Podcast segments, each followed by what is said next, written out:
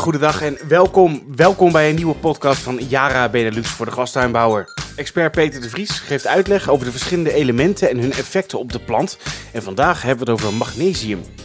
Peter, is het dit keer gewoon magnesium of wordt ook dit element wel eens anders genoemd, zoals dat bijvoorbeeld bij calcium het geval is? Nee, dit eh, keer is het lekker makkelijk. Eh, magnesium is gewoon het eh, element magnesium. Nou, en dan, dan gelijk maar even een beetje door te gaan. Het wordt afgekort als Mg. En net als calcium is het dan ook een, wel een tweewaardig cation, dus het is 2 plus. Nou, en uh, zoals we het ook iedere keer ook zagen, dat in de tuinbouw, in de meststoffen en in de volle grondstuinbouw wordt het dan weer in oxidevorm aangegeven. Dus procenten MGO in de meststof en in kilogrammen MGO per hectare. Nou, en je vroeg dan eventjes van, uh, wordt het ook nog anders genoemd? Nou, dat is dus uh, niet het geval. Um, ja, en misschien komt dat wel omdat magnesium ook wel het vergeten voedingselement genoemd wordt het vergeten voedingselement. Komt het dan dat magnesium misschien niet zo belangrijk is als de rest? Nee, het is juist, uh, juist niet. Het is zeker uh, heel erg belangrijk voor de plant. En daarom is het wel een beetje vreemd dat het zo genoemd wordt. Um, het is wel zo dat de hoeveelheden die nodig zijn, die zijn redelijk laag. In vergelijking met bijvoorbeeld kalium en calcium. En, en in de grond uh, wordt het dan ook wel ook in lage hoeveelheden gegeven. En je ziet ook uh, vaak niet uh, een probleem ontstaan als je het een tijdje eventjes niet gegeven hebt of een beetje minder. Ja, en misschien dat dat dan wel de reden is dat het vergeten wordt. Maar het is wel ten onrechte, zoals we later zullen zien. Um, wat ook bij dit verhaal misschien eventjes mooi bijpast, is dat de opname van magnesium is echter passief. Dus dat gaat niet op een hele actieve manier zoals kalium bijvoorbeeld ging. Het kan dus niet heel specifiek worden opgenomen. Nou, en wortels nemen om onduidelijke reden ook minder makkelijk magnesium op. We weten gewoon nog niet precies waarom dat zo is. En meer magnesium in de voedingsoplossingen weten we wel, dat zorgt wel voor meer opname. Ja, dus meer magnesium is meer opname.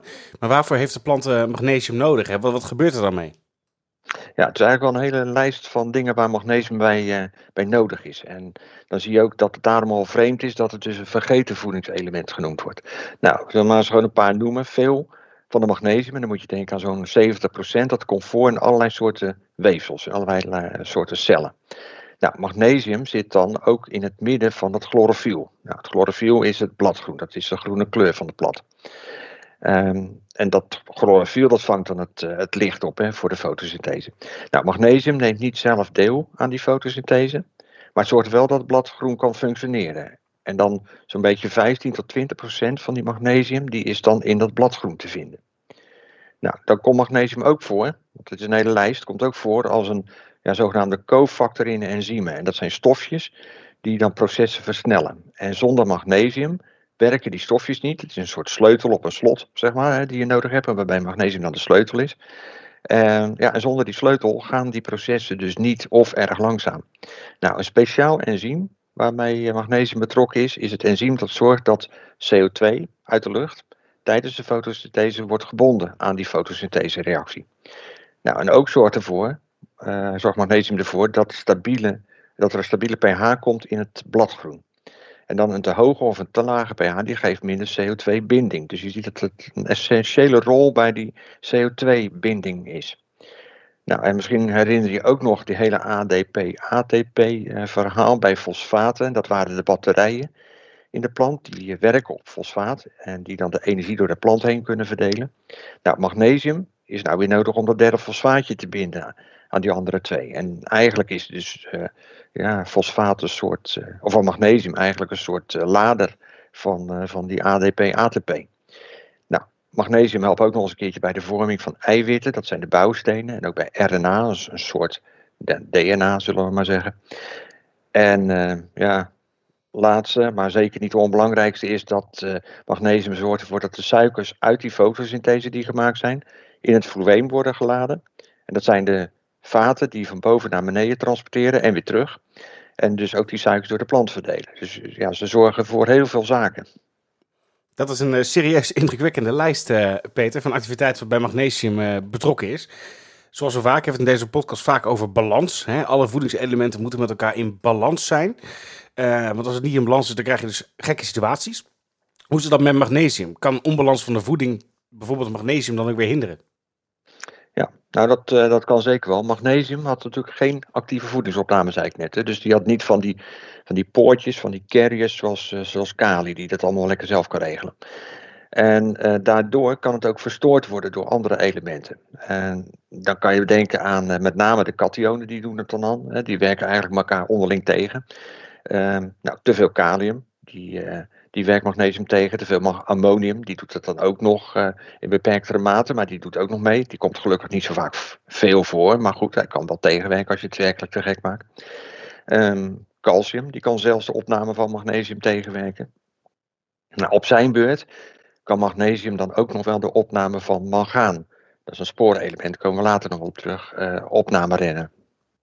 Nou, wat geen antagonisme is, maar wat wel degelijk de beschikbaarheid van magnesium beperkt, is de aanwezigheid van bijvoorbeeld kleinmineralen. En dan denk je natuurlijk vooral aan gronden.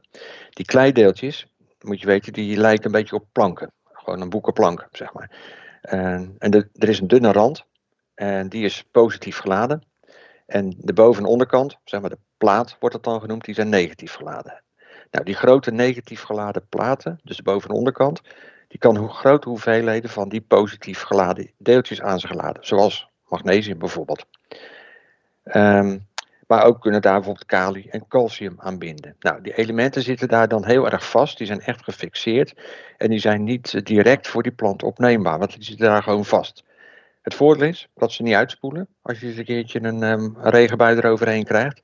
Maar uh, ja, ze zitten wel vast. De plant kan ze gelukkig wel een beetje lospeuteren. Door wat zuur met zijn wortel uit te scheiden. Dat hadden we gezien met ammonium. Hè. Dus je geeft een beetje ammonium en die plant die reageert door zuur af te geven. En daarmee maakt hij dan de magnesium uh, bijvoorbeeld weer vrij. Nou, en we weten ook op buitengronden dat magnesium losgemaakt kan worden als er heel veel calcium wordt gedaan. Dus als er een boer heel veel met kalk in één keer over de grond heen gaat, ja, dan wisselt die calcium met magnesium. En die magnesium die komt vrij. En die kan trouwens dan ook wel weer uitspoelen. Ja, in het begin gaf je aan dat uh, de magnesiumopname in ieder geval afhankelijk is van de hoeveelheid magnesium dat je geeft. Nou zijn er bij allerlei soorten planten uh, altijd tekortverschijnselen te zien. Uh, hoe zit het bij magnesium? Welke verschijnselen zie je wanneer je gewoon te weinig magnesium hebt gegeven? Uh, ja, als je te weinig gegeven hebt, of je bent gewoon misschien wel eens een keertje vergeten te geven, dat is het meest belangrijke. Of het zit misschien heel erg vast, hè, zoals met die kleinmineralen. Uh, wat je dan ziet, um, dat de plant gelukkig wel in staat is om die magnesium weer mobiel te maken in de delen die niet, waar de magnesium even wat minder nodig heeft. Dat zijn vaak de oudere delen, want ja, die hebben eigenlijk een functie al gehad. En dan zie je dus de eerste gebreksverschijnselen in het oude blad verschijnen. Um, nou, de plant maakt daar de magnesium dus vrij. En die transporteert het naar de delen waar die gewoon ja, het voortbestaan van afhankelijk is. Het dus jonge, jonge groen, groeipunten, jonge delen. Nou, wat je dan gaat zien, ja, we kan je een beetje afleiden aan de, de hele lijst die we net al een beetje opnoemden van uh, wat magnesium allemaal doet. Uh, we noemen chlorofiel. Nou, als magnesium wordt weggehaald uit die oudere bladeren, uit het chlorofiel van die oudere bladeren, ja, dan verliest het zijn groene kleur en dan wordt hij geel. Nou, dat is dus het eerste wat je gaat zien. En dat proces start dan ook nog tussen de nerven, want de nerven die, die houden net iets langer die magnesium, dus die blijven iets langer groen. Nou, die energievoorziening noemde ik, die batterijen, um, ja, die, ook die raakt verstoord. Um, die ATP die wordt niet meer opgeladen, of die ADP wordt niet meer opgeladen tot ATP. En um, ja, de planten krijgen gewoon een soort energietekort. Nou, suikers hadden we over, die worden niet meer uh, goed verdeeld. Ja, en eigenlijk alles leidt er dan toe dat uh, de bladeren eerder af gaan vallen als magnesium eruit is. Want ja, het heeft geen nut meer, dus uh, de plant stoot ze af. En wat ook nog wel een beetje opvallend is, is dat magnesium gebrek ook zorgt ervoor dat de plant minder makkelijk in die generatieve fase komt. Dus hij gaat wat minder snel naar de bloei en naar de vruchtfase. Maar de eerste symptomen, laten we dat maar eventjes eraan eerst aan houden. Dat is dat lichtgroene gele oude blad onderin helemaal. En als je dat, dat blad gaat herkennen, hè, dat magnesiumtekort, kan er dan nog wat aan gedaan worden als je er op tijd bij bent? Nou, in een vroeg stadium is dat zeker nog wel aardig te herstellen. Door wat extra magnesium te geven. Of uh, in de vorm van bitterzout bijvoorbeeld. Of, of magnitraat, magnesiumnitraat. En dan moet je even kijken welke van de twee het beste past. Uh, kan je die extra stikstof gebruiken of juist niet. Nou, dan, als je dat niet het geval is, dan kies je voor bitterzout, magnesiumsulfaat. Um, ja, en kan je een beetje extra stikstof er ook nog bij gebruiken, dan, dan kies je die eventueel die andere. Het hangt een beetje van je voedingsschema af. Um, maar ja, goed, het is ook het oude blad, dus we kijken daar niet vaak al te veel meer naar. Um, maar goed, er is nog wel wat aan te doen. Maar, en dan trap ik een open deur maar eventjes in. voorkomen is natuurlijk beter dan genezen. Dus laten we daar maar mee, mee eindigen. Goed plan. Peter, tot zover. Dankjewel. Uh, hartelijk bedankt voor het delen van jouw kennis en expertise van magnesium. Wist u nou als luisteraar dat wij in de vorige podcast uh, onder andere calcium als onderwerp hebben gehad en daarvoor ook kalium, stikstof? Die podcasts die staan allemaal online en die kunt u gewoon terugluisteren en vinden op een tijd dat het u uitkomt. Bezoek daarvoor de website www.jara.nl.